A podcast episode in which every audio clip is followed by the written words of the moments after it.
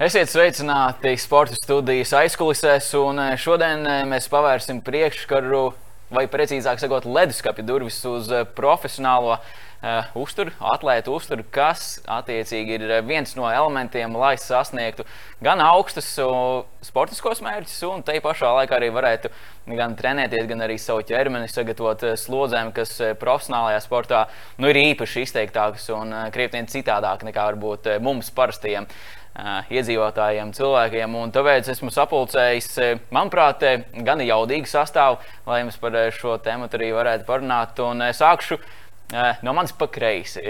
Sindija Buša, Latvijas rekordiste vieglētē, gan arī ar uzturu uz to, jo, ja es pareizi saprotu, tad tu esi pārgājis un es kļūstu par vegānu. Jā, tieši tā, Raimond. Esmu pārgājusi nevis par vegānu, bet uh, veģetārieti. Veģetārieti, un tur jā. ir būtiska atšķirība. Tomēr, tur ir būtiska atšķirība. Jo vegāni nē. Viņi nēd uh, visu, visa veida dzīvnieku. No dzīvnieku pasaules. Jā. Jā. Kā nākamais mūsu profesionālais sportists, kurš arī padalīsies gan ar savu pieredzi un mēģinās varbūt pavērt priekšroku, kāds ir uzturs komandas sporta spēļu pārstāvjiem eh, Kārlis Čukste, Rīgas Dāmas aizsargs, eh, gan arī plaša pieredze Amerikā. Sveiks, Kārli! Sveiks, Raimond! Un eh, no kurzemes mums ir pieslēdzies, un es ceru, ka jums arī būs gan interesanti bijušais vieglēts kurš arī joprojām startē arī dažādu līmeņu, arī Latvijas sacensībās ar Olimpisko spēļu pieredzi, pasaules čempionāta pieredzi. Tagad viņš ir docents, uzturu speciālists, viens no labākajiem Latvijā. Neveidīšos arī no tik skaļa, varbūt apraksta Jānis Leitis. Jā, sveiciens visiem. Tu tā skarbi man pateici par bijušo vietu, bet nu, pieņemsim to kā nākotnes skatījumu. Vien jau tā, tas, ko tu arī pats esi minējis, ka nu, ir jānodala varbūt arī šī profesionālā dzīve no sportiskās, vai tomēr tu tomēr vēl plāno arī Olimpisko spēļu kontekstā arī Parīzi ieķert, vai tas, vai tas vēl tiks tā, tās klusākas apnīcas? Parīz, Parīz būs uh, varbūt tāds tāls, tāls ceļš vēl, es domāju, apsēs pirmo gadu un tad jau redzēs. Bet Labi, uh, vēl, vēl droši vien pasportošu.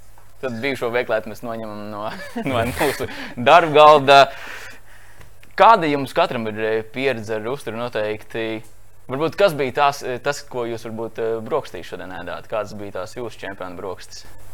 Nu, manis personīgi bija viegla maizīte, uz kuras bija salātiņi un uh, ola, sieriņš, tādas kā olbaltumvielas vairāk, nekas arī vairāk kafija. Tās bija manas čempionu brokastis. Man liekas, tās ēda tikai tad, ja man uh, dienā nepieciešama vairāk enerģija. Jā, nu mans brokastis, es teikšu, par čempionu brokastiem varbūt nevar nosaukt īsti. Es brokastīs uh, neko daudz pēc neēdu, ja man agri ir jāiet uz ledus. Uh, un, un šorīt sēdi tikai banānu, iedzer kafiju un apēd auzpārs cepumu. Akcentu vairāk liek pēc tam uz, uz pusdienām un vakariņām tās enerģijas kaut kā mēģina saņemties tik un tā, bet uz ledus beigas smagam. Nu, man tāds sajūta ir, ja es vairāk ietu, viņš smagāks esmu un man tur liekas, ka nevar paskaidrot beigas. Jā, kāds bija tavs varbūt eh, rīta iesākums un eh, varbūt pēc eh, Sindijas un kārtu dzirdētā, kāds tev jau pirmais priekšstats ir? Jā, man uzreiz ieslēdzās, ka gribās komentēt kolēģi ēdienkarti, bet es ēdu no rīta putru ar kanēlu un, un, un mazliet banānu.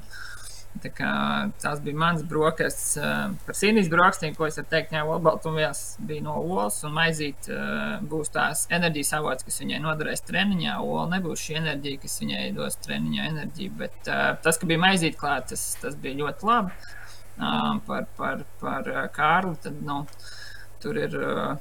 Es zinu šos cilvēkus, kam ir agri arī treniņi, un, un, un tur ļoti labi ir ielikt kaut kāda ātrā rohidrāta, ir tā smaguma sajūta. Nu, kādreiz arī nodara varbūt kāda augļu ir no paciņām, kur ikdienā varbūt neieteikti. Bet, uh, Tīri, lai uzņemtu ļoti viegli, ātri pieejama enerģija, lai tas treniņš tiek aizdīts produktīvāk. Bet, nu, jā, tas tā.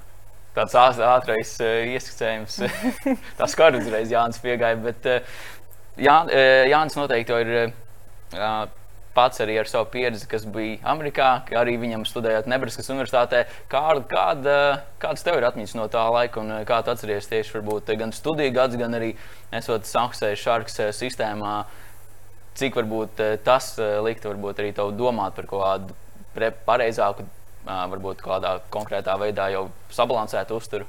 Uh, jā, jāsaka, ka studentu gados daudz kas ir atkarīgs no grafika. Un, un katru semestri tu grafiks mainās, un līdz ar to arī to, kā tu ēd brokastis, tas mainās. Jā, pēdējos gados es vairs neņēmu, varēju neņemt vairāk no rīta klases, tā kā es varēju mierīgi aiziet uz hali un kārtīgas brokastis arī pāriest. Taču pirmajos gados bija tā, ka reāli. Nu, starp klasēm desmit minūtes tu paķer kaut kādu jogurtu ar kādu mazu pārslā, mēģini kā, nu, padomāt to, ko tu ēd, bet uh, baigi, nu, tas baigi atkarīgs bija no grafika. Un, un, protams, tagad, tagad, tagad laiks ir un, un jācenšas vairāk pie tā, vairāk piedomāt un, un arī uzlabot to uzturu. Kā bija ar tā saucamo junk food, jeb šiem burgeriem, kādiem hotdogiem ātrās uzkodas? Nu, jā, jāsaka, ka tas uh, junk foods uz, uz katru stūri ir Amerikā. Un, un vietas, kur tu pāriest, var netrūkst. Un, uh, ir īpaši vietas, kur, kur varbūt nu, tas uh, ienākuma uh, līmenis nav tik liels un cilvēkiem nav tik daudz naudas, jo vairāk redz tādu. Uh, jo mazāk naudas, jo vairāk junk foods ir, jā, jo viņš ir lētāks. Un, un, un tomēr tu pēdi un tev liekas, ka tu esi pēdis un tāds sajūta ir. Un, un, Bet, uh, jā, vietas netrūkst Amerikā, kur to junk food varētu. Un cik tev vietas, tavā ģermenī bija vietas junk foodam? nu, man, man, mēs parasti kopā ēdām ar uh, savu istabas biedru, jo mums grafiks bija ļoti līdzīgs. Teikšu, ka viņš beig bieži man arī neļāva ēst. Jā, mēs, kuriem, kuriem ēst šovakar, jā, ja mēs paši beig bieži, bieži netaisījām un mēģinājām izvēlēties tādas veselīgākas vietas pārsvarā. Bet, uh, nu, bija dienas, bet beig bieži tas nebija.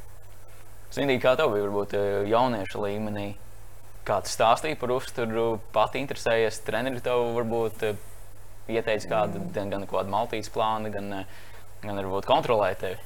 Nu, jauniešu gados noteikti neviens man nekontrolēja. Īpaši es ēdu visu, ko es uh, gribēju un varēju tajā laikā. Un, uh, nesakoju baigi pat tam līdzi.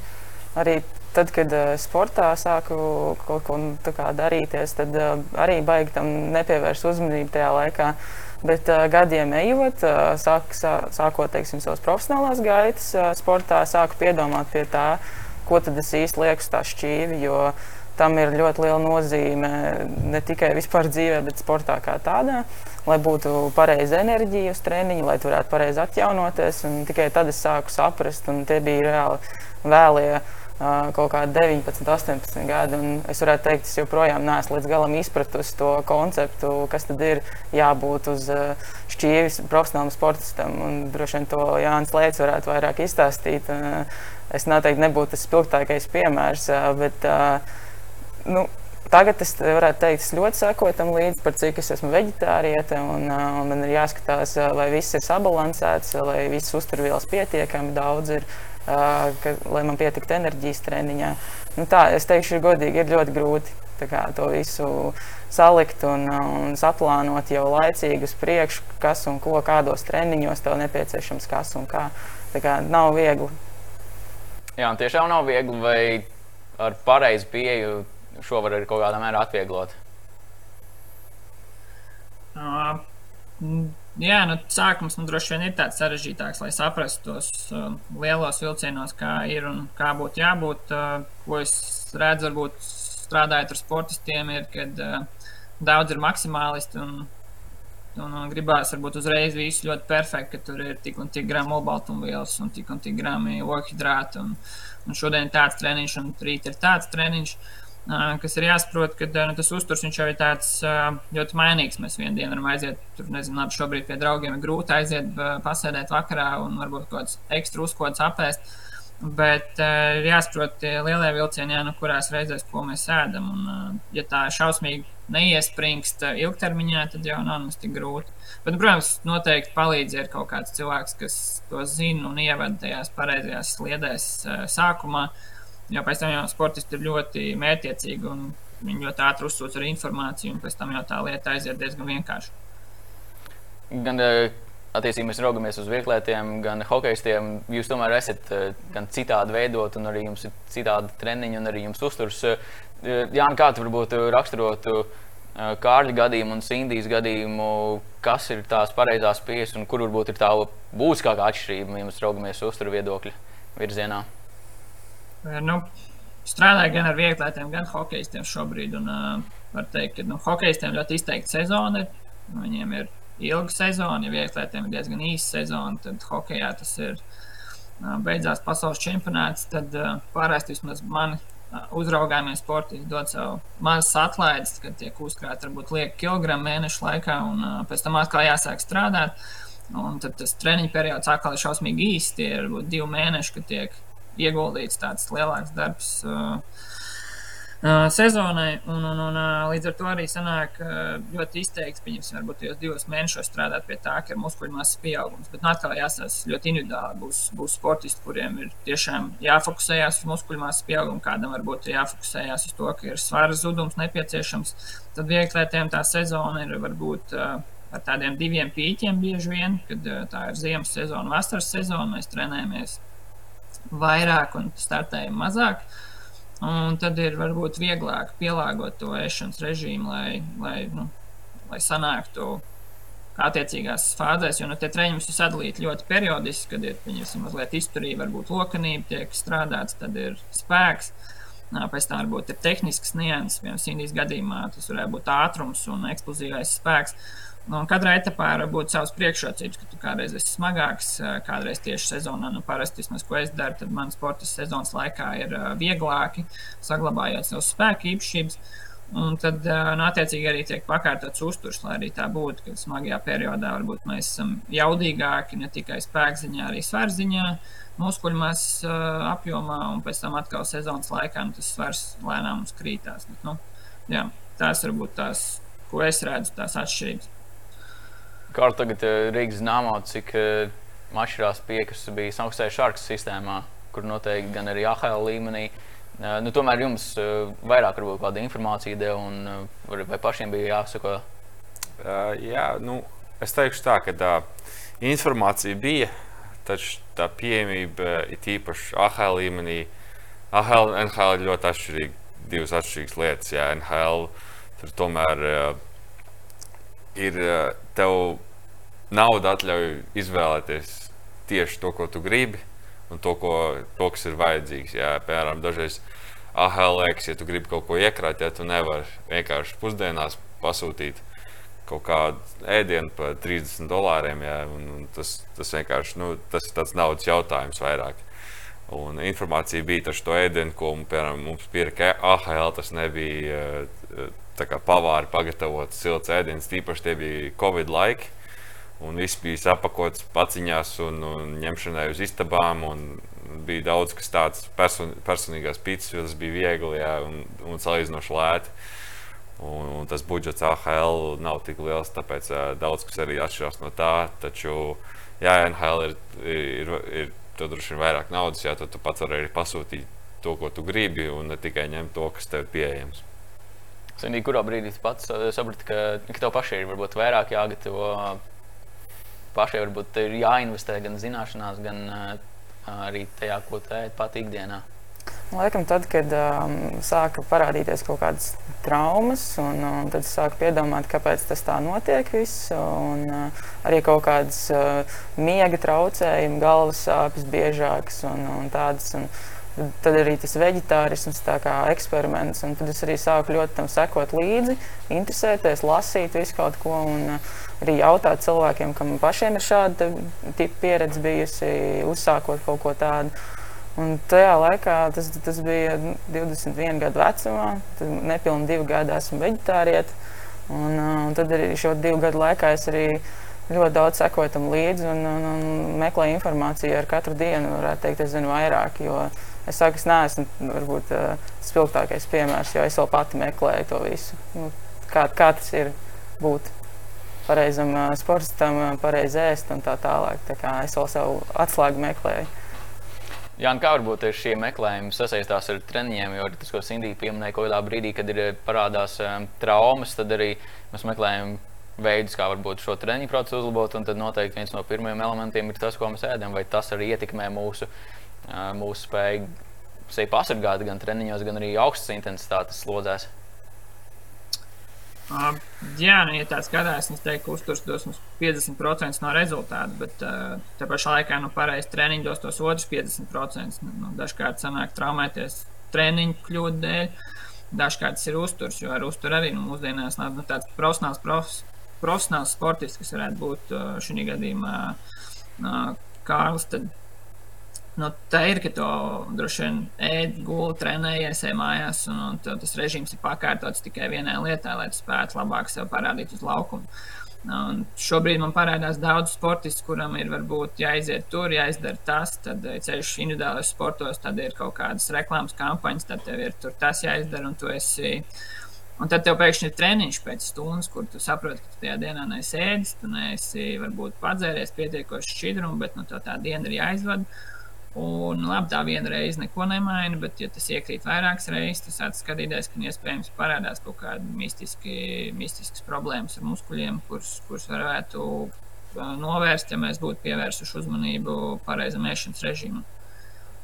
Kas, nu, būtībā nav nekas sarežģīts, bet vienkārši tā diena ir bieži vien tik piebāzta cilvēkam ar visādām aktivitātēm. Negribēs jau arī tikai sportot un uh, sēdēt mājās, ir arī citas lietas, citas intereses kaut kādas dzīvēm kad uh, veidot ģimeni vai kaut kādi blakus projekti dzīvē, kas, kas arī kā, izkrāso tavu ikdienu. Un, un, un, uh, un ir grūti tikai sev nu, veltīt vienai lietai, kur arī kā, ir tās traumas un tā motivācija arī nu, tiek pārbaudīta ļoti bieži. Bet, jā, nu, par ēšanu es teiktu, ka noteikti ļoti liela nozīme tam ir ceļš arī traumu rehabilitācijā. Kad tieši cilvēks ir eh, emocionāli varbūt sagrauts, eh, viss liekas, ir galīgi garām, un tieši tad gribās dot tās atlaides, ēst, varbūt sliktāks ēdiens, dzert sliktāks dzēriens. Eh, kaut gan tas būtu tas periods, kad ķermenis tiešām ir salūzis, viņam tie materiāli jāiedod ir vislabākie, lai viņš spētu atgūties. Kā ar to kārtu tagad slodžu laikā? Vai sezonas laikā nu, tik, tā, tā, tik izteiktas slodzes, viņas varbūt nav kā vasaras periodā?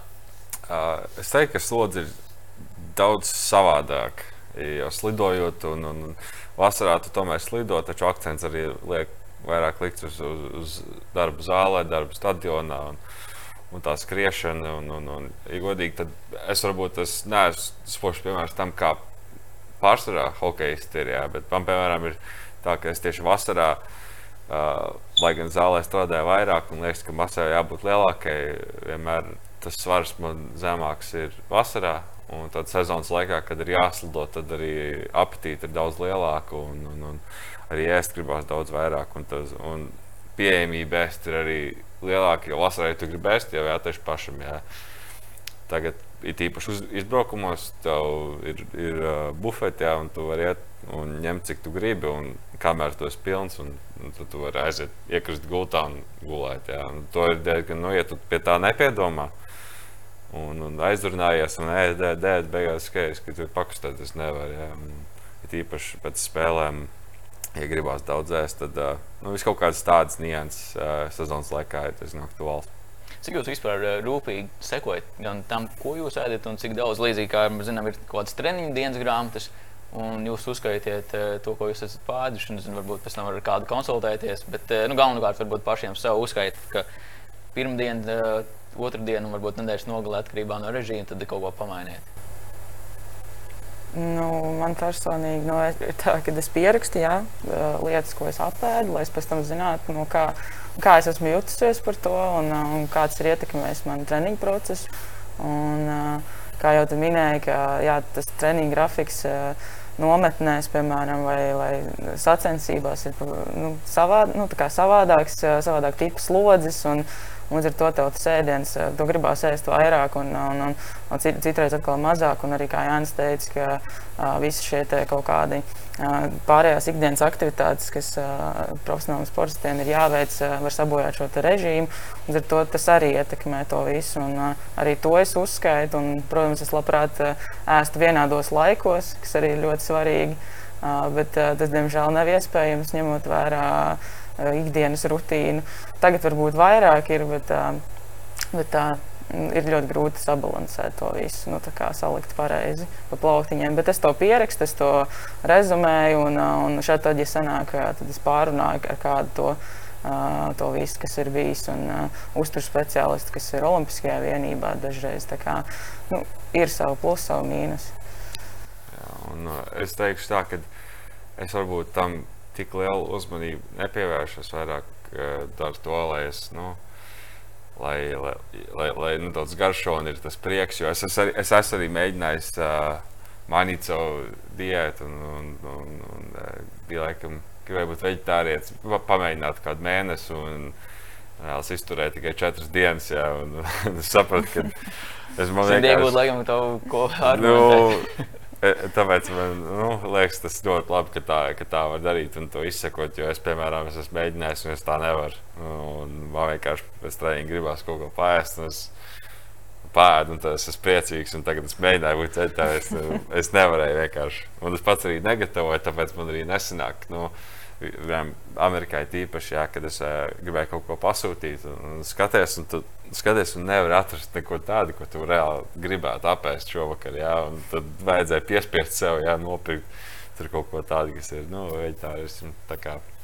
Es pamēģināju, man nesnāca tas vairāk. Uh, Mēģinu, mēģinu tās visas kalorijas izdedzināt nākamajā dienā. Ja es jūtu, ka es mazliet tas esmu uh, paēdis par daudz, tad to, nu, mēģinu vairāk, uh, varbūt ne tik daudz vairāk trenēties, bet vienkārši mazāk ēst. Un, un tas pārsvarā ir arī mana tā uh, problēma, jā, ka tas svars iet uz augšu, uz leju, jo tā jauda vienmēr ir bijusi. Taču tā jaudai arī būtu vieglāk ķermeni panest, ja, ja nevajadzētu nest tik lielu svaru. Noteikti nu, jums savā ziņā ir vieglāk nekā mums parastiem mirstīgajiem uzskaitīt gan kaloriju daudzumu, gan kopumā varbūt apjomu. Kā varbūt jūs ieteiktu, un arī Jānis, varbūt eh, no profesionālākās, eh, no profesionālākā skatījuma, kā vispār sabalansēt uzturu, lai viņš būtu veselīgs, eh, arī dot arī enerģijas avotu, jo bieži vien mēs īsti nesakojam līdzi. Varbūt es atzīšos, ka es dažkārt paskatos, cik ir kalorijas vai kaut ko rēķinu. Tas šķietami nedaudz apgrūtina to visu procesu, un tu aptuveni uz acu apskaties, nu, būs labi, ka varbūt vai arī vairāk nevajag ēst. Jā, uh, kā lai sāktu tādu lekciju, jums varētu lasīt.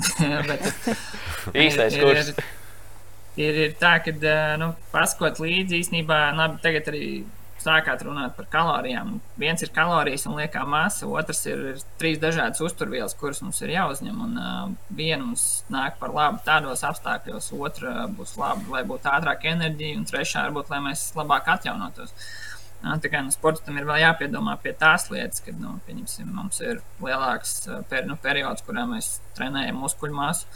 Tad, nu, attiecīgi, mēs piedomājam vairāk pie olbaltumvielām. Ja mums ir uh, daudz, piemēram, treniņu uz izturību vai uz ledus, tagad, pieņemsim, vai, vai, vai Sindijai daudz jāskrien treniņos un intensīvi jāskrien, tad nu, mums tās olbaltumvielas iespējams šī treniņa periodā paliek mazāk, būtisks. Mums vairāk jādomā par ogļhidrātiem, nevis kopējo kaloriju skaitu. Protams, arī kopējais kaloriju skaits mums norādīs uz to, vai tā masa mums paliek tāda, kāda viņa ir, vai viņa samazinās vai krītās. Tas varbūt katram sportam nav jādara. Tas tiešām ir diezgan apnicīgs darbs un visam tam sekot līdzi. Tāpēc cilvēki aiz, kurš to skatās un, un pakoriģē, kur kas ir vajadzīgs. Vienīgais, ko ieteiktu, šobrīd ir ļoti daudz visādas aplikācijas, kas ir bez maksas, kurās var divas, trīs dienas paskot līdzi, un viena diena būs par mazu. Kā jau iepriekš minēju, tās dienas aktivitātes var būt ļoti atšķirīgas, bet lai mums ir tās trīs, četras varbūt dienas, ka jau zinās, ka nu, tāda ir man tipiskā diena. Un varbūt izlaiž ārā kaut kādas iezīmes, kad ir uh, par maz olbaltumvielu vai par mazu ogļhidrātu vai kopējais kaloriju skaits krietni pārsniedz. Un trešā lieta, kas ir varbūt tāda tā pavisam īsi, ir kaut kāda samērība. Lai pirmkārt nav superliels porcijas, ko es Latvijā redzu strādājot ar cilvēkiem, ir, kad uh, vakariņas ir tas laiks, kad mēs beidzot tiekam mājās. Mums ir uh, laiks tagad ēst, un uh, vajadzētu visu pagaršot un apēst, un arī kādu saldumu apēst. Kaut gan, ko mēs pēc tam darām, ejam gulēt uh, pa lielam, vai arī nu, nostamies kādu raidījumu, vai izlasām kādu žurnālu bet, uh, vai grāmatu. Bet ar to arī mūsu dienas aktivitātes beidzās. Un, uh, tad, nu, varbūt tās porciju sadalījums būtu svarīgs, ka viņš visu dienas laikā tomēr mums tā diezgan vienmērīgi iet. Vismaz tas ir mans viedoklis, jo katram uzturu speciālistam ir mazliet savādāka pieeja par to ēšanas sadalīšanu. Un, uh, ko es ļoti redzu, augļu dārzeņu, kas uh, droši vien Sīdijai kā veģetārietai tagad parādās daudz biežāk, bet uh, tā vispār ir liela problēma Latvijā, ka cilvēki Nu, labi, viņš pieliks gurķi klāt, kas Latvijā ir ļoti populārs. Pielikt gurķi pie kā klāt, bet nu, gurķis pats par sevi ir diezgan bezvērtīgs dārzens, kurš mums, protams, dod labāk, patīkamāk garšu ēdienu, un mēs viņu varam izbaudīt. Bet, ja mēs skatāmies no aktīvajām vielām, tur nekā daudz nav. Tur ir ūdens, un tur nav antioksidantu daudz klāt. Mums nav viss šīs varavīksnes krāsas šķīvi, ko uztur speciālisti iesaka ne jau tāpēc, lai smuki izsāst šķīvis, bet tāpēc, ka mēs tajā katrā krāsā varam atrast kaut kādu aktīvu vielu, kas mums var palīdzēt labāk funkcionēt. Un sportistam pats galvenais ir, ka viņš grib uzvarēt, nu, vismaz lielajā sportā, tur nekas cits neinteresē. Es pats esmu ēdis, nezinu, tur skābēts kāpos, ne, nu, kādreiz man negaršoja biedrs tikai tāpēc, ka tu zini, ka tur kaut kas labs ir. Bet, uh, ne, nevis tāpēc, ka es viņu tur baudīju. Pēc tam es ēdu ēdienas, kas man garšo. Tas, tas tā, lai kompensētu. Bet, tas, tas tā īstenībā. Jā, bet šim garšas faktoram, cik viņam uh, jūs pievēršat lielu uzmanību? Jo arī Jānis minēja, ka ir, ir daži ēdieni, vai pat kopumā diezgan daudz, kas ir gan veselīgi, bet uh, viņi negaršo. Mm, izskats jā, ir tāds maldīgs. Dažreiz, kad arī ēd, tad nu, viņš varbūt neizskatās garšīgs, bet beigās ir garšīgs. Tomēr. Man, man šķīvis noteikti ir kļuvis daudz zaļāks, kopš kļuva par veģetārieti. Un, uh, dažādas krāsas, tur ir, uh, varētu pat teikt, pilna varavīgs, kā Jānis teikt. Uh, un, uh, noteikti tādu vairāk uh, dārzeņus, augļus un vispārējo, ja kādreiz man ļoti negaršoja. Un, uh, es tagad esmu kā, varētu teikt, tāds frīks uz tādām lietām. Un, ļoti, ļoti patīk tādu, nu, tagad ēst lietas, kas šķita pirms tam negaršīgas un izskatā varbūt nepievilcīgas, tagad, bet viņas apēdot, to liekas, bāz tik garšīgi ir. Un galvenais svarīgi uztaisīt pareizi. Tā garšīgi tā, lai to pašam garšo. Un es arī virtuvē ļoti daudz improvizēju. Es varētu teikt, negatavoju pēc receptēm, bet es gatavoju pēc tā, kas man garšo un to saliekot, miksējot kopā, tad beigās iz, iz, nu, iznāk tas uh, par garšīgu ēdienu. Un man, man, mani tas priecē, man vēdera tas priecē, un uh, beigās ir baigi forši. Jā, es teiktu, ka man tādā ziņā ir paveicies, kopš es esmu pārvācies uz Latviju. Ja. Arī draugi, kurus satiku Amerikā, pārvācās ar mani. Viņi ļoti labi gatavo un varbūt ēdienas, kas man kājās liktos. Uh, nu, kad es nekad tādu netaisīt, nepasūtīt. Droši vien, jā, vakar zied, ziedkāpos drīz uztaisīja lasi man. Jā, nu, vai es kādreiz kaut ko tādu pasūtīju, nu diez vai. Bet, mm. uh, ja man uztaisīs, uztaisīs garšīgi, tad, protams, uh, man pašam ir prieks un es jūtos labi apēdot to ēdienu. Nu, taču tam, tam, tam garšas faktoram arī, tā, kad uh, es biju nu, jaunāks, es vienmēr tādu uzmanību tam pievērst. Un, un man vienkārši ēdienas sagādā prieku. Es saprotu, ka, es saprotu, ka ir, ir iespējas pilnveidot diētu, un tas droši vien arī palīdzētu. Bet uh, arī tas līdzsvars, piemēram, dzīvē, ja, kad man gribās, lai man vispār katru dienu ir prieks, un, un, un, un es ēdis ēdienas, kas varbūt nav tik garšīgi, bet ir vajadzīgs. Ja, es mēģinu atrast to līdzsvaru. Ja lai, lai man būtu prieks ēst, bet lai viņš arī kaut cik veselīgs būtu. Tādā ziņā es vairāk uzmanības sācis pievērst arī nu, pirms sezonas laikā, ja tur vairāk ogļu hidrātu sēdi pirms spēles, daudz augļus arī Latvijā, kas ir ļoti paveicies, kad uh, ir tirgus. Jā, e, piemēram, Amerikā es iegāju, ieejot uh, veikalā un ieraugot, uh, ka maksā ogas maksā 10 dolāri, jā, tāda nu, paciņa tāda tad, tad Latvijā to pašu pacīju var nopirkt par trīs. Jā, un, protams, uzreiz pilns ledus skats ir ar augļiem, ir āboli, ir melns un, un zemens bija un kaut kas tāds. Tā kā, no tā mēs naudu tagad netaupām. Ir forši, ka tu vari aiziet man netālu no mājām, ir centrāla tirgus. Arī kaut kādas tādas lietas es varu nopirkt, un daudz dārziņus var nopirkt, un visu kaut ko tādu. Tā kā, tādā ziņā man Latvijā tomēr tā atšķirība ir. Tas tirgus tomēr man ļoti palīdzējis, man liekas, man uzturē. Tieši tas man liekas, arī gan būtisks eh, arguments arī gan daudziem, es domāju, varbūt ne tikai sportistiem, ka pareizi ēst ir gan dārgi. Un eh, tev ir jādomā, jāmeklē dažādi risinājumi. Turklāt vēl jārēķinās, ka konkrētie produkti varētu būt dārgi. Kāda ir, eh, droši var iesaistīties, kāda ir jūsu ieteikumi, kā, kā varbūt šo laustu priekšstatu, ka varbūt nav nemaz tik tas viss sarežģīti. Nu, Beig galā īstenībā tas nav nemaz tik dārgi, kā tas viss izskatās. Man arī ģimene nesaprata. Tad tu esi šeit tagad veģetārija, tad dārgāk viss tagad būs tie produkti, tev būs dārgāki un, un, un kvalitatīvāki. Līdz ar to, nu, kad, ja viņi ir kvalitatīvāki, tev ir vairāk jāmaksā. Tāds bija viņa uzskats. Protams, jā, bet uh, atsverot to, ka tu neēd gaļu, gaļa jau pats par sevi ir dārga. nu, tā. Un, un tas pluss, jā, kā jau minēju, kad tas var aiziet uz tirgu un nopirkties, nu, kā, teiksim, sapirkties pilnu maisu ar uh, augļiem, dārziņiem un tā tālāk, kas, piemēram, manā uzturā ir nepieciešama. Tad es neuzskatu, ka tas būtu baigi dārgāk nekā tad, kad es uh, ēdu gaļu. Un uh, arī veselīgam uzturam kā tādam, man liekas, var sabalansēt tā, lai viņš nebūtu pietiekami dārgs. Uh, priekš parastā patērētāja. Es domāju, ka tas ir viss ir iespējams, tikai jāmāk plānot savu teiksim, iepirkumu grozu. Uh, uz priekšu vairāk, uh, jo tas, ko daudz nedara, viņi vienkārši ieiet veikalā un uh, paņem to, kas viņa prāt liekas, ka viņiem vajadzēs, un beig beigās viņi izmet ārā lielu daļu. Tas arī ir vēl viena problēma, un tāpēc tas viss liekas viņiem tik dārgi. Ka, viņi vienkārši nemāķi plānot lietas. Manā, manā uzskatījumā tas viss tā ir. Jo, ja es arī kādreiz nemācīju plānot, eh, tad es arī daudz naudas iztērēju pārtikā. Bet tagad es varētu teikt, ka es vairāk ietaupu nekā iztērēju. Jā, tu piekrīti šajā ziņā? Jā, es piekrītu. Es eju Latvijā.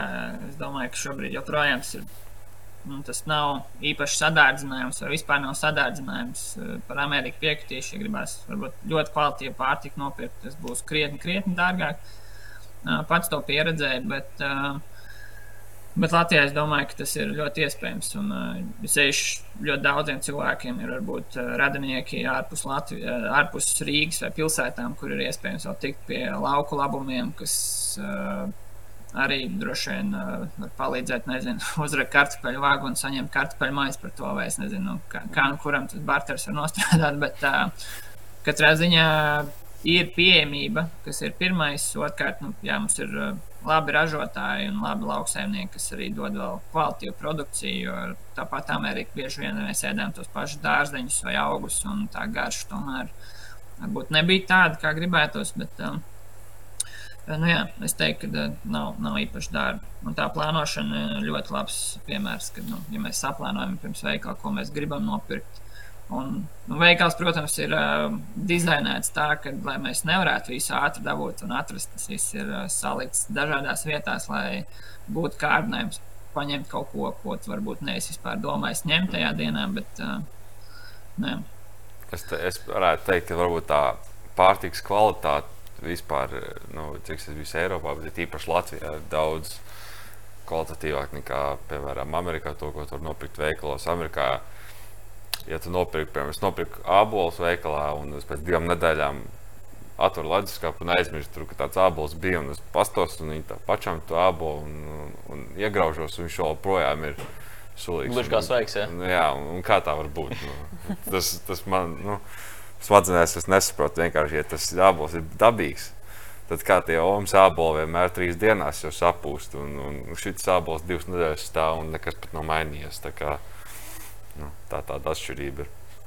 Nereti ir dzirdēts, ka arī ir teiciens, e, lai tu būtu kā čempions, tev ir jāiet kā čempionam. Ja mēs palūkojamies, e, Maikls Felps e, visu laiku medaļām bagātākais olimpijas peldētājs. Viņam ir visvairāk zelta medaļas, 23 zelta dienā viņš eh, vismaz uh, savā treniņa procesā pat, uh, patērēja 10,000 kalorijas, kas ir pietiktu plus mīnus pieciem vidējiem vīriešiem. Tādu apjomu varētu pabarot. Cik varbūt Jānis tāds izņēmums un kur tur būtu tā robeža, kad mēs novalkam, ka tas jau ir aiziet kaut kādā nu, elites, elites līmenī, bet tas, kas varbūt ir pārējiem atlētiem, nu, tur viņiem varbūt ir citādāk pieeja. Tur ļoti atkarīgs no sporta veida. Par Felps bija lasījis. Eh, tas gan vairāk tāda anekdote par tām 10,000 kalorijām. Tāds reālais cipars varētu būt kaut kāda 8,000, bet tas arī ir ļoti iespaidīgs cipars. Un, viņš pats arī teica, no 8 līdz 10,000. Šur tur arī viņš ir pateicis 12,000, bet nu, tam gan grūti nocēt. Jā, nu, tur, kad sāk likt visu kopā, nu, tas ir nu, tur, tur diezgan grūti ir, notiesāt tādas maltītes. Jo ņem, jāņem vērā tas, ka viņš jau paralēli arī trenējās. Tas nebija viens treniņš dienā. tiem bija jābūt vismaz trīs treniņiem dienā vai pat četriem. Ceļš, kad ir, ir peldēšanas šie, šie garie treniņi, kur ir uh, intensitāte un tik līdz viņš sāk sportot, viņš uh, ir konstantā kustībā visu šo laiku, jo arī apēdot šīs 12, nu, labi, 12 es neticu, jā, bet nu, es teiktu 8000 kalorijas. Viņš jau nepieņemās svarā, viņš visu to nodedzināja. Jebkurš cits cilvēks, pirmkārt, nevarētu īsti apēst 8000 kalorijas, otrkārt, nu, tas būtu šausmīgs šoks ķermenim un arī noteikti ķermeņa masas pieaugums. Uh, ļoti specifiski sporta veidi ir arī cilvēki. Bieži vien skatās, man ir sanākusi pieredze, pieņemsim, būt uh, olimpiādē un redzēt uh, šos lielos galdus, kur sēž visi sportisti kopā. Un kur, pieņemsim, ir uh, svarcēlāji vai uh, vai, vai nu, tāda spēka sporta veida pārstāvji, nezinu, tur lodes grūdē vai vesarmetēji. Un blakus sēdēs maratona skrejēji vai, vai soļotāji, tad nu, lielāka šķīve būs soļotājiem, maratona skrejējiem nekā svarcēlājiem un, un, un, un spēka sporta veidu pārstāvjiem. Kaut gan no tādam vidējam cilvēkam asociācija ir, ka nu, droši vien tie lielākie, stiprākie daudz vairāk nekā šie mazie tievie, bet nu, šis mazais tievais viņš tiklīdz viņš sāk savu kustību, nu, viņam tas treniņš aizina. Nereti ar soļotājiem runājot, o, šodien 50 km nostaigāju nu, savā treniņā. Nu, ko, Cilvēks, kurš aiziet uz svaru zāli, nu, viņš patrenējās 5 sekundes, tad viņš minūti vai 2 minūtes atpūšās, tad viņam ir varbūt 10 sekundes atkal atkārtojums. Un kopumā viņš nav strādājis slikti, bet uh, viņš tās kalorijas sadedzina daudz mazāk. Un tad ir ļoti jāstāsta specifiski, ko katrs cilvēks kurā brīdī dara. Līdzīgi arī, kā mēs runājam par treniņu disciplīnu, arī noteikti uzturu kontekstā ir jārunā par to, kā atrast vispār motivāciju to darīt. Jo, protams, ar prātu apzināmies, ka tas ir neatņemama sastāvdaļa, kā Jānis minēja, 50% no gan rezultātu, gan arī no tām spējām, ko jūs varat parādīt e, laukumā. Kā atrast pareizo motivāciju, lai tas nekļūtu kā sloks pilnībā? Nu, jāsāk pašam ar sevi, lai atrastu motivāciju. Nu, kāpēc tu to dari? Noteikti pirmais jautājums. Kāpēc tev tas ir vajadzīgs un ko tu no tā iegūsi? Tie ir trīs jautājumi, ko es arī sev uzdodu. Ja es pareizi ēdīšu un sabalansēšu savu uzturu ar kvalitatīviem produktiem, kas pēc tam būs, un kā tas man ietekmēs. Tad jau arī beigās es saprotu to, kāpēc es to daru. Un dažreiz tiešām ēdu lietas, kas man varbūt negribās to ēst. Piemēram, to putru katru rītu man negribās viņu ēst, man viņa negaršo.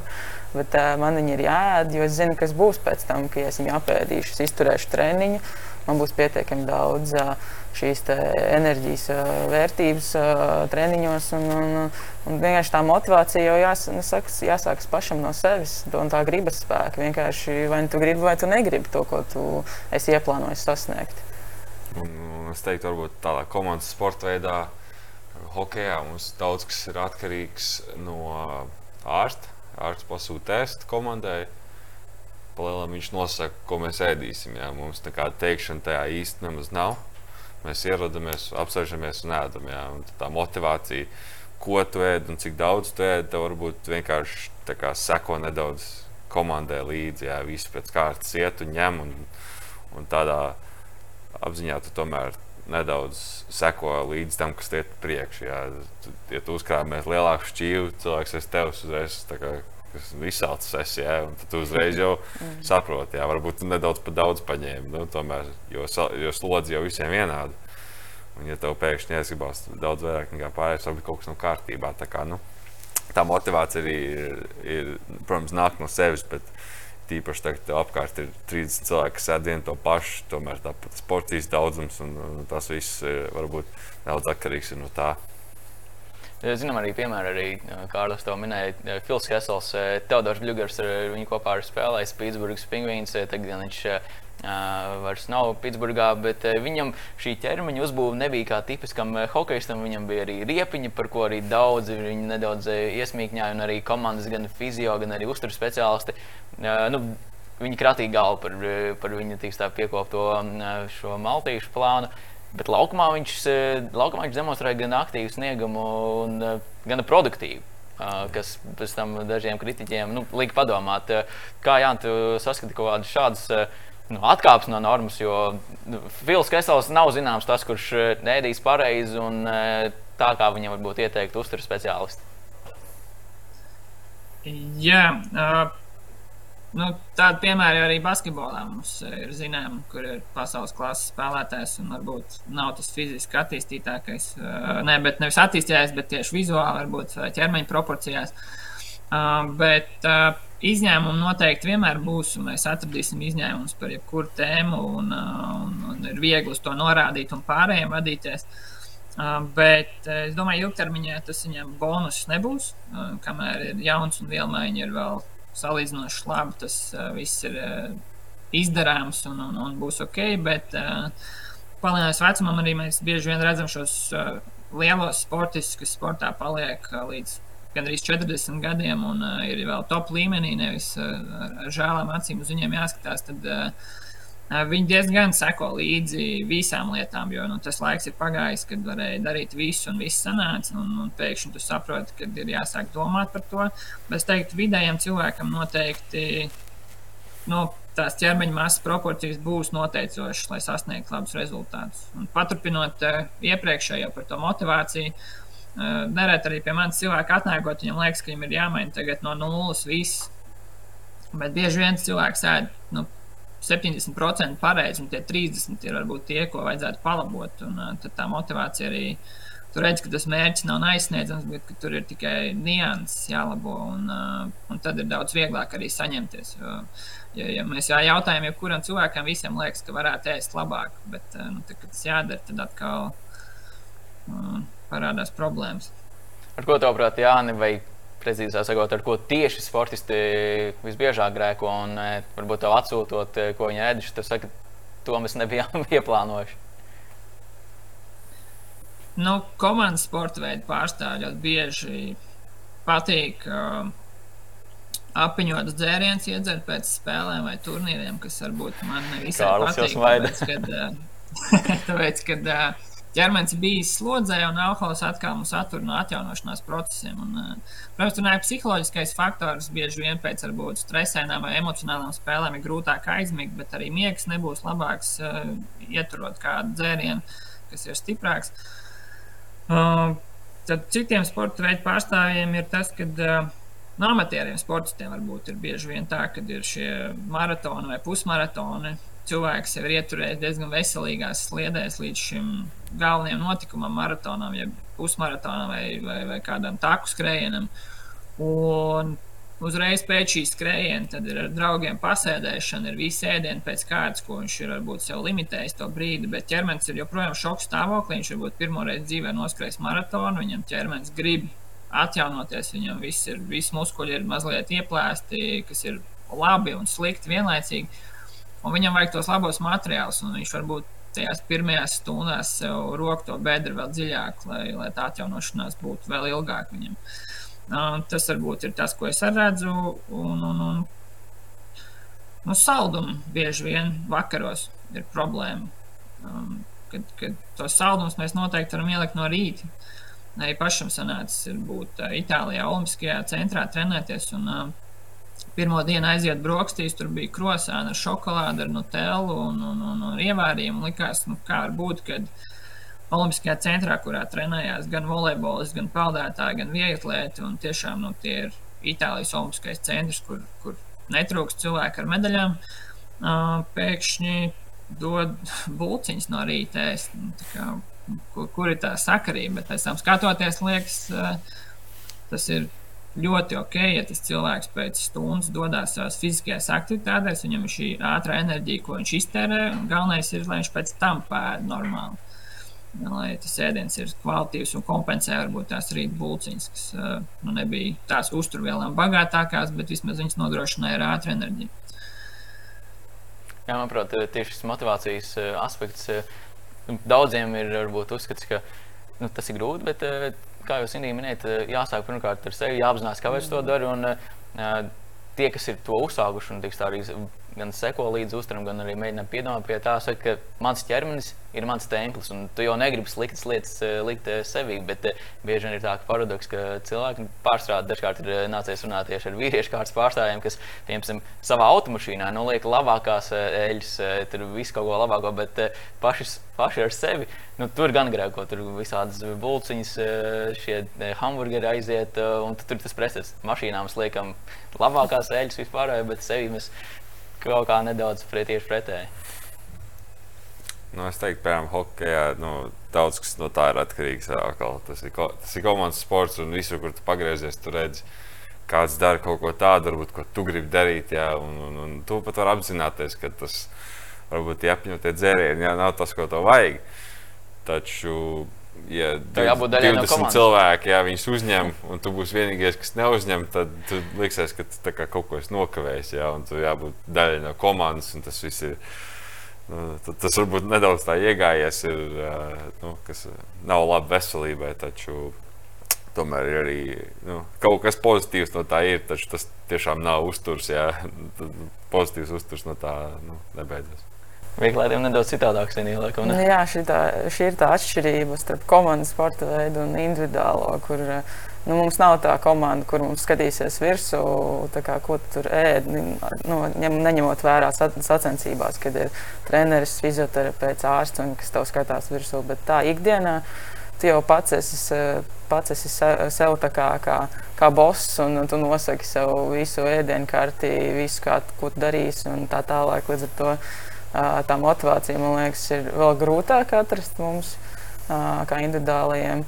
Uh, jo tev pašam viss, viss tas ir jāplāno. Un, un tas, ko tu liec savā ķermenī iekšā, tam noteikti ir jābūt kvalitatīvam. Uh, ne tikai uh, kā vīrieši liek savā mašīnā iekšā kvalitatīvas lietas, tad, ja, ja, tu, ja tu neliec sevī kvalitatīvas lietas, tad ko mēs varam runāt arī tālāk. Nu, jo tomēr tev ir jādzīvo dzīve droši vien ilgāk nekā tai mašīnai, tad jāskatās ilgtermiņā. Tagad ir salīdzinoši vēsāks laiks, rudens nāk ziema. Kā jūs pielāgojat savu uzturu tam? Vai caurmērājumus, vai jūs raugaties vairāk tieši šīs sezonas kalendāra principu ietvaros, sacensību kalendāra ietvaros, vai arī pakārtojat uzturu arī sezonām? Es domāju, nu, laikapstākļu maiņā, gadu laikiem. Es teiktu, varbūt uh, ma, man ir tā, ka uh, vasarā vienmēr liekas, ka uh, pa dienu var pavadīt vairāk laiku nesēžot mājās. Jā, līdz ar to tu visur ej apkārt, un, un tas laiks, kad tu sēdi mājās, un tu varētu ēst, mazāk. Līdz ar to nekādas beigās saldumus vismaz dienas laikā neuzņem, ja tā diena ir tomēr pilna, kas, kas piemēram, ziemā sanāk tā, kad ir tikai tu piecēlies aiz treniņu, nāc mājās, un it īpaši, ja, ja laiks ir apmācies, tā kā šodien vai ziemā ir augsts, tad nekur, nekur baigi arī negribas iet un neko īsti negribas darīt. Un tad tu sēdi skaties to televizoru un, un bieži vien ir. Nu, tu, tu zini, ka nevajag, bet tev mazliet gribās. Un tu aiziet pie tā leduskapja, atver viņu vaļā un pasties, kas tev tur ir. Un kaut ko tomēr paņem un atrod ko, to, ko tu gribi un apēd tomēr. Jā, tas pieredums droši vien, kas ir palicis no vasaras, ka tu vari ēst daudz, jo tu daudz patērē. Un ziemā tā atkal nevar, jo tu mazāk kusties. Ne, ne tik bieži ārā varbūt uh, pastaigās vai ko, tāpēc, kad ārā ir augsts un nav foršs patīkams laiks. Un tās aktivitātes uh, samazinās, jo zinot sevi, vasaras periodā es visu laiku kustos. Uh, tās 12 stundas, man liekas, kas ir dienā, es viņas visu laiku kustos, pavadu kustībā. Bet, uh, Ziemā tā atkal nav. Tur ir tiešām, tur, kā jau teicu, ka, nu, tur ir treniņš, tad nāc mājās un viss, tur neko negribu baigt darīt. Tur arī tas patēriņš ir mazāks, līdz ar to tev jāuzņem mazāk. Un, un arī es tam skatos līdzi. Bet, protams, saku, ir tas pieredums, kas nāk no vasaras. Un rudens, man liekas, tas grūtākais periods pārslēgties no vasaras uz, uz ziemu. Tad, tad jāskatās vienkārši līdzi un jārod tā motivācija atkal no jauna, varētu teikt. Es teikšu, ka bieži vien, kas man ir palīdzējis, jā, ir vienkārši sākās viss jau veikalā. Jā. Mm -hmm. Lai tev nav mājās ar sevi jācīnās, cīnās ar sevi veikalā, tas 5 minūtes. Jā. Iziet cauri veikalam, nopērst to, ko tev vajag. Šajā cīņā. jā, nevis to, ko tev gribās. Un tagad, iziet no veikala, tad viss aiziet mājās, saliec visu pa skāpi. Un tagad, ko gribēsies, tad tie čips jau tev vairs tur nebūs. Jā, jo tu jau esi pacīnījies veikalā, tev mājās vairs nav jācīnās. Tu atpūsties. Svarīgi iet uz veikalu pēduši. Jā, Tas tā ir ļoti padoms, un praktisks padoms, un arī izveidot arī sarakstu noteikti. Jo, kad, Jā. kad tev šķiet, ka varētu paņemt to, to, to, atnāc mājās, varbūt liela daļa nemaz nevajadzēja. Jā, tieši tā. Un Man, mans eh, teiksim, lielākais uh, mīnus, kas dažreiz sanāk, ir uh, iet pēc treniņa veikalā, jo tas vienkārši sanāk pa ceļam. Bet uh, no tā ir jāatradinās. Es cenšos no tā atradināties, jo tad jau tev gribas visu. Tāpēc treniņš ir ļoti izsalcis tā. Bet, uh, kā es to atrisinu, es izdzeru recovery dzērienu, un tad man uz to laiku, kamēr es tieku līdz mājām, man negribās uh, varbūt tik ļoti ēst. un Līdz ar to iet veiklā, man, veiklā man nav, nav vajadzīga šī cīņa ar sevi, jo es zinu, kas man ir vajadzīgs. Un varbūt tik ļoti negribās ēst. Tāpēc vienmēr jāiet pēdušam uz veikalu. Jā, tas šobrīd noteikti vēl vairāk varēs iesaistīties, jo, ja mēs runājam par profesionālo sportu, tad eh, nu, noteikti ka bez šīs kvalitatīvās pārtikas eh, ir kaut kam vēl jābūt. Šie varbūt uzturu bagātinātāji, varbūt vēl eh, atļautās, protams, lietas, kas eh, nāk papildus vēl eh, kopējam uzturam. Eh, Cik jā, nu, varbūt tā ir nozīmīga sastāvdaļa eh, profesionālajā sportā, vai arī var tiešām no lauka labumiem pārtikt un eh, kļūt par olimpisko čempionu. Es domāju, ja mēs skatāmies tādu profesionālu, profesionālu sportistu, viņš tiešām var sev garantēt šo sabalansēto uh, ēdienreizu izveidi, tad es domāju, ka ir iespējams. Bet tā kā mums tā ikdiena tomēr ir diezgan uh, piepildīta ar daudziem notikumiem, un kaut kur arī sanāk, ka, pieņemsim, tikko jau minēja recovery dzēriens, kas uh, jau būs papildus uzturs, uh, sporta uzturs, uh, kas arī, nu, nekas tur slikts nav. Viņš ļoti labi kompensē to, kamēr mēs spējam pagatavot sev, pieņemsim, attiecīgi ēdienu reizi. Jau ir ķermenim no kā atjaunoties, un mēs varam, esam sev jau nodrošinājuši to pirmo posmu. Un, ā, nu, Profesionālā sportā es teiktu, ka uzturu bagātinātāji ir ļoti izplatīti. Procentuāli gan iz, ā, jebkurš cilvēks ir sportā kaut ko lietojis. Atļaut, protams, un, un, un, Man vienīgais tās vajadzības, ko es redzu, varbūt, eh, kad bieži vien tiek lietotas lietas ne tajos periodos, kad viņas var palīdzēt, jo īstenībā ir ļoti maz produktu, kas var kaut ko mazliet palīdzēt. Tas varētu būt varbūt 1% pie, pie rezultātu. Bet jāsaprot, ka no sporta amatieriem šis 1% praktiski neko nenozīmē. Tad no profesionālajā sportā, ja sevišķi individuālajos sportos, kur mēs varam nomērīt sev milimetros vai tūkstošdaļās rezultātus, tad šis viens procents var kādreiz mainīt to, vai mēs esam finālos vai medaļās, vai, vai tiekam tur, kur mēs gribējām nokļūt, varbūt savos personīgajos mērķos. Tad nu, tur, tur var nākt tālāk, bet nu, tur atkal ir jāskatās, jā, nu, kā jau iepriekš minēju, no tām retajām vielām, kuras strādā un kur tā efektivitāte ir daudz maz pierādīta, tad kas no tā, kurā periodā, jo cilvēki, kas lieto vienu vielu un trenējās, pieņemsim, uh, garajām distancēm un lieto vielu, kas palīdz viņiem iegūt spēku, bet tas treniņu periods absolūti neatbilst tam, jo arī maratona skrejēji trenē spēku, kur, kur tajā periodā varbūt tieši tad varētu lietot šo vielu. Uh, nu, tur ir tās mazās problēmas, kas parādās. Un vēl jauniešu sports, kad uh, ļoti bieži jaunieši, ceļš komandas, šī, šī gadījumā komandas sportos, kur mēs redzam, vai lielās treniņu grupās, kur viens lietot kaut ko, kaut gan nezinu, kāda ir tā cilvēka, varbūt tas individuālais mērķis, vai, vai kāpēc viņš ir tādu produktu izvēlējies lietot, vai kurš viņam ir ieteicis. Un lieto vēl citi cilvēki, un atnāk citreiz jaunieši, kuriem es prasu, vai lietot kādu uzturu bagātinātāju. Viņi jau var nosaukt vairākus, kas ir lietoti, un kad es prasu, ka, kas to ieteica, vai kāds pamatojums, tad tur ir diezgan grūti nu, sa, savilkt kopā, nu, kāpēc. Jā, noteikti tas ir tas, ko mēs arī redzam bieži vien arī komandas spēļu eh, pārstāvjiem visbiežāk. Jo pavalcies līdzi varbūt saviem eh, vienaudžiem, un tad varbūt to disciplīnu ir grūtāk ievērot.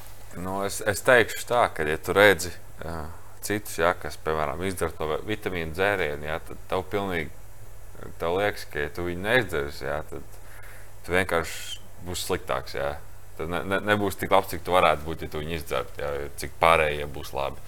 Es domāju, daudz kas arī no tā ir jā, ietekmēts. Nu, mums individuālajos sporta veidos ir tā, ka tev pašam līdzi jāsako sev, un ā, kādas slodzes tev jāzina treniņa grafiks, ā, ko jūs darīsiet rīt un pēc nedēļas. Uh, protams, jāstāsta to visu savai sporta ārstei, kura tad visu, nu, ir lietas kursā par šo. Jo viņi arī tādas teiksim, vitamīnas, uzturbagātinātājas tev pielāgo pie noteiktām slodzēm, pie treniņu nometnēm, pie sacensību režīmā, sacensību režīmā lietojot šos te. Un, un tas ir ļoti individuāls darbs ar sevi. Arī ar saj pēc sajūtām, man liekas, arī tur liela loma arī spēlē tas viss kas tev strādā, kas nestrādā, jo mēs katrs esam individuāla personība un ne viss var strādāt tas, kas strādā citam atkal. Tas, uz to arī ir jāskatās. Tāpat arī nevar garšot tas, tas, kas garšo citam. Mums katram ir savādāks ķermenis un viņš ir savādāk uzbūvēts. Līdz ar to jā, jāskatās vienkārši pašam pēc saviem ieskatiem un pēc tā grafika, kas tev ir. Diemžēl mums lēnāk jātuvojas tam finiša taisnēji, bet noteikti pēc šī ieraksta katrs mēs dosimies tālāk savā gaitā. Varbūt kāds arī pēc šī raidījuma noskatīšanās arī sāks kaut ko gatavot. Kādu varbūt jūs ieteiktu no savas puses, savu recepti, ko pagatavot? Hmm. Sindijas Bukšs ieteikams, Kārlis Čuksts, Jānis Leitis. Uh. Nu, kur, kur, kurš pirmais? kurš šefbāra no, pozīcijas? Es varu, no, no, par cik es pats baigi negatavoju, jā, ko es varu ieteikt, vienkārši tas ir, ko, kas man ir palīdzējis. Tas tiešām ir ejot uz to veikalu, tu, tu vienkārši nenopērci to, ko ja tu negribi, lai tu pēc tam apēdi. Jā. Padomā uz priekšu, vai tas tiešām ir vajadzīgs. Tas varbūt ir uh, viens no tādiem uh, ma maniem padomiem, kas, varētu, kas man ir palīdzējis personīgi. Nu, es noteikti ieteiktu gatavot pašam vairāk ēdienu un uh, skatīties līdzi, kas tev garšo. Uh, un to arī likt lietā, improvizēt vairāk virtuvē, jo tas arī atklāja daudz šķautnes gan par sevi, gan par uzturu. Tā, tā, tā būtu tā galvenā atslēga. Un, protams, uh, lai pašam arī garšo beigās, un, un ir tas viss forši, un lai krāsains ēdiens, lai ir pietiekami daudz. Uh, augļi, dārzeņi, šķiedrvielas, ogļhidrāti un tā. Nu, sakot līdzi tam visam, tad to es varbūt varētu ieteikt. Es, es ieteiktu katram uztaisīt varbūt savus uzkodu batoniņus, ceļš sportistiem, kad, kad viņš vienmēr tev ir somā vai, vai mašīnā stāv un kad, kad gribās kaut ko apēst, tad ir batoniņš, kas ir veidots no sastāvdaļām, kas pašam garšo, pašam patīk, un uh, viņš noteikti būs daudz veselīgāks nekā veikalā nopērkamie batoniņi. To ir ļoti viegli izdarīt. Neprasa vairāk kā 40 līdz stundu laiku, bet visai nedēļai pēc tam ir uzkods, kas ir daudz labāks. Jā. Praktisks padoms. Es domāju, ka kaut kādas receptes noteikti ir internetā. Gan, uh, gan plašas pieejamas, un katram vienkārši jāizšķiro un jāatlasa, kas sev labāk. Uh, der, bet noteikti jāpakonsultējas ar speciālistu, lai nesnāk tā, ka nezinot varbūt kādas nianses, mēs varbūt pat varam nodarīt kaitējumu sev.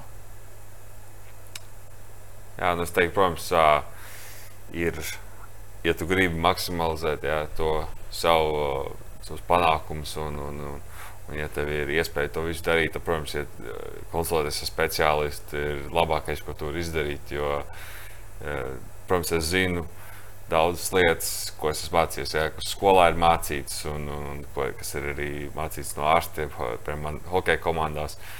Taču, ja man kāds paprasītu kaut ko specifisku par kaut ko, ko es daru, tad es atbildēt īsti nevarētu. Un kāpēc es to daru? Jā, tāpēc, ka vienkārši man tas ir pieejams, tas ir tā pieņemts. Nu, tur, protams, speciālisti tur to palīdzēt. Jā, piemēram, Jānis.